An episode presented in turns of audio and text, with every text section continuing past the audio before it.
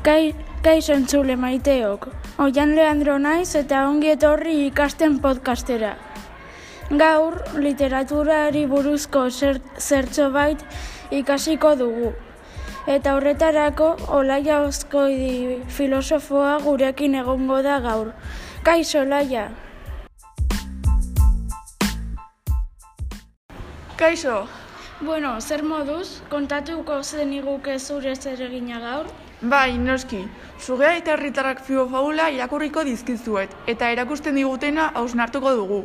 Bueno, eta aldi berean zerbait ikastea espero dugu.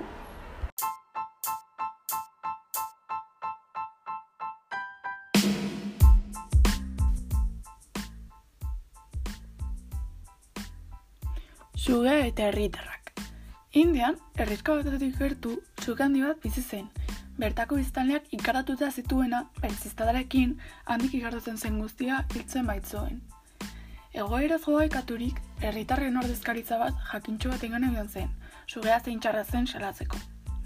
Jakintxua, ofidioa ikustera joan zen, eta berarekin izketan enitu zen puska batean, bere jokabide kaskarra aurpegiratuz. Ba, zegoen jakiteri zer egin zioten herritarrek beretzizade hilgarriako paritzeko? Zertara zetorren jokabide oldarko hori?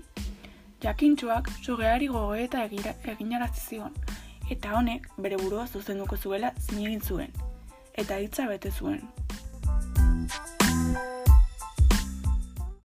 Egun hartatik aurrera ez zen iraganeko sugea izan. Narrasti beldurgarriak berde aragal, bigun eta fofonduko bat zirudien baizik.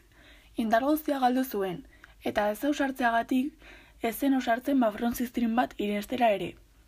Erditarrek lehenago ere sugeak nola jokatzen zuen azuta, barre egiten zioten bere nahuleziagatik eta esaten zioten. Pozoiz betetako letainak zertarako nahi dituzu, ez baituzu nitz erabiltzen. Aurrek, arakin gurutzatzen ziren bakoitzean, harriak botatzen zizkioten, edo ostikoak ematen zizkioten.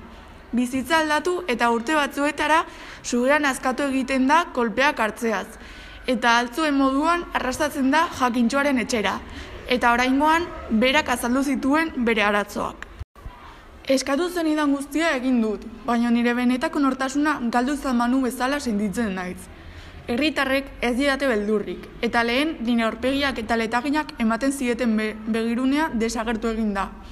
Mespretxu egiten naute, ostikoak ematen dizkiate eta nire bihotzak min ematen du. Zer pentsatzen duzu horretaz? Nik esaten diezazuk edana oso erreza da, erantzun zion jakintxoak. Nik eskatzen dizun zure pozoiarekin herritarrak ez ziztatzeko, besterik gabe, baina txistu egitea debekatu nizun?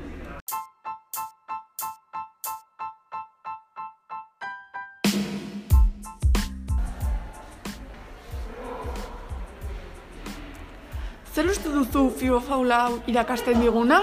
Ez errez egitea ez dela inoiz irten bidea. Bueno, egia, baina pixka bat garatuko dut zure ideia.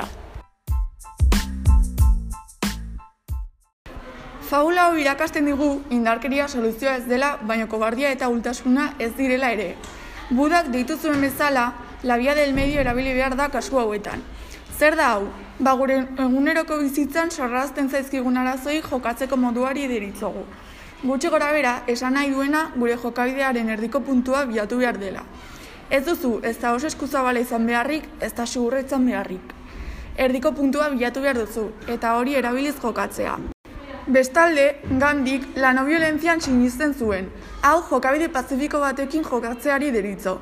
Gandhi sinisten zuen jokabide agresiboa edo violentoak ez erabiltzeak askoz ere onuga- onuragarriak eta baliotsuak zirela. Askoz ere indartsuagoa zela modu lasai edo pazifiko batez jokatzea. Zuen auruz, erresistentzia gabeko eta indarkeriarik gabeko modua baliagarriagoa da, Ba ez nekien hainbeste irakasten ziguna. Mila esker olaia espero dugu beste batean egotea.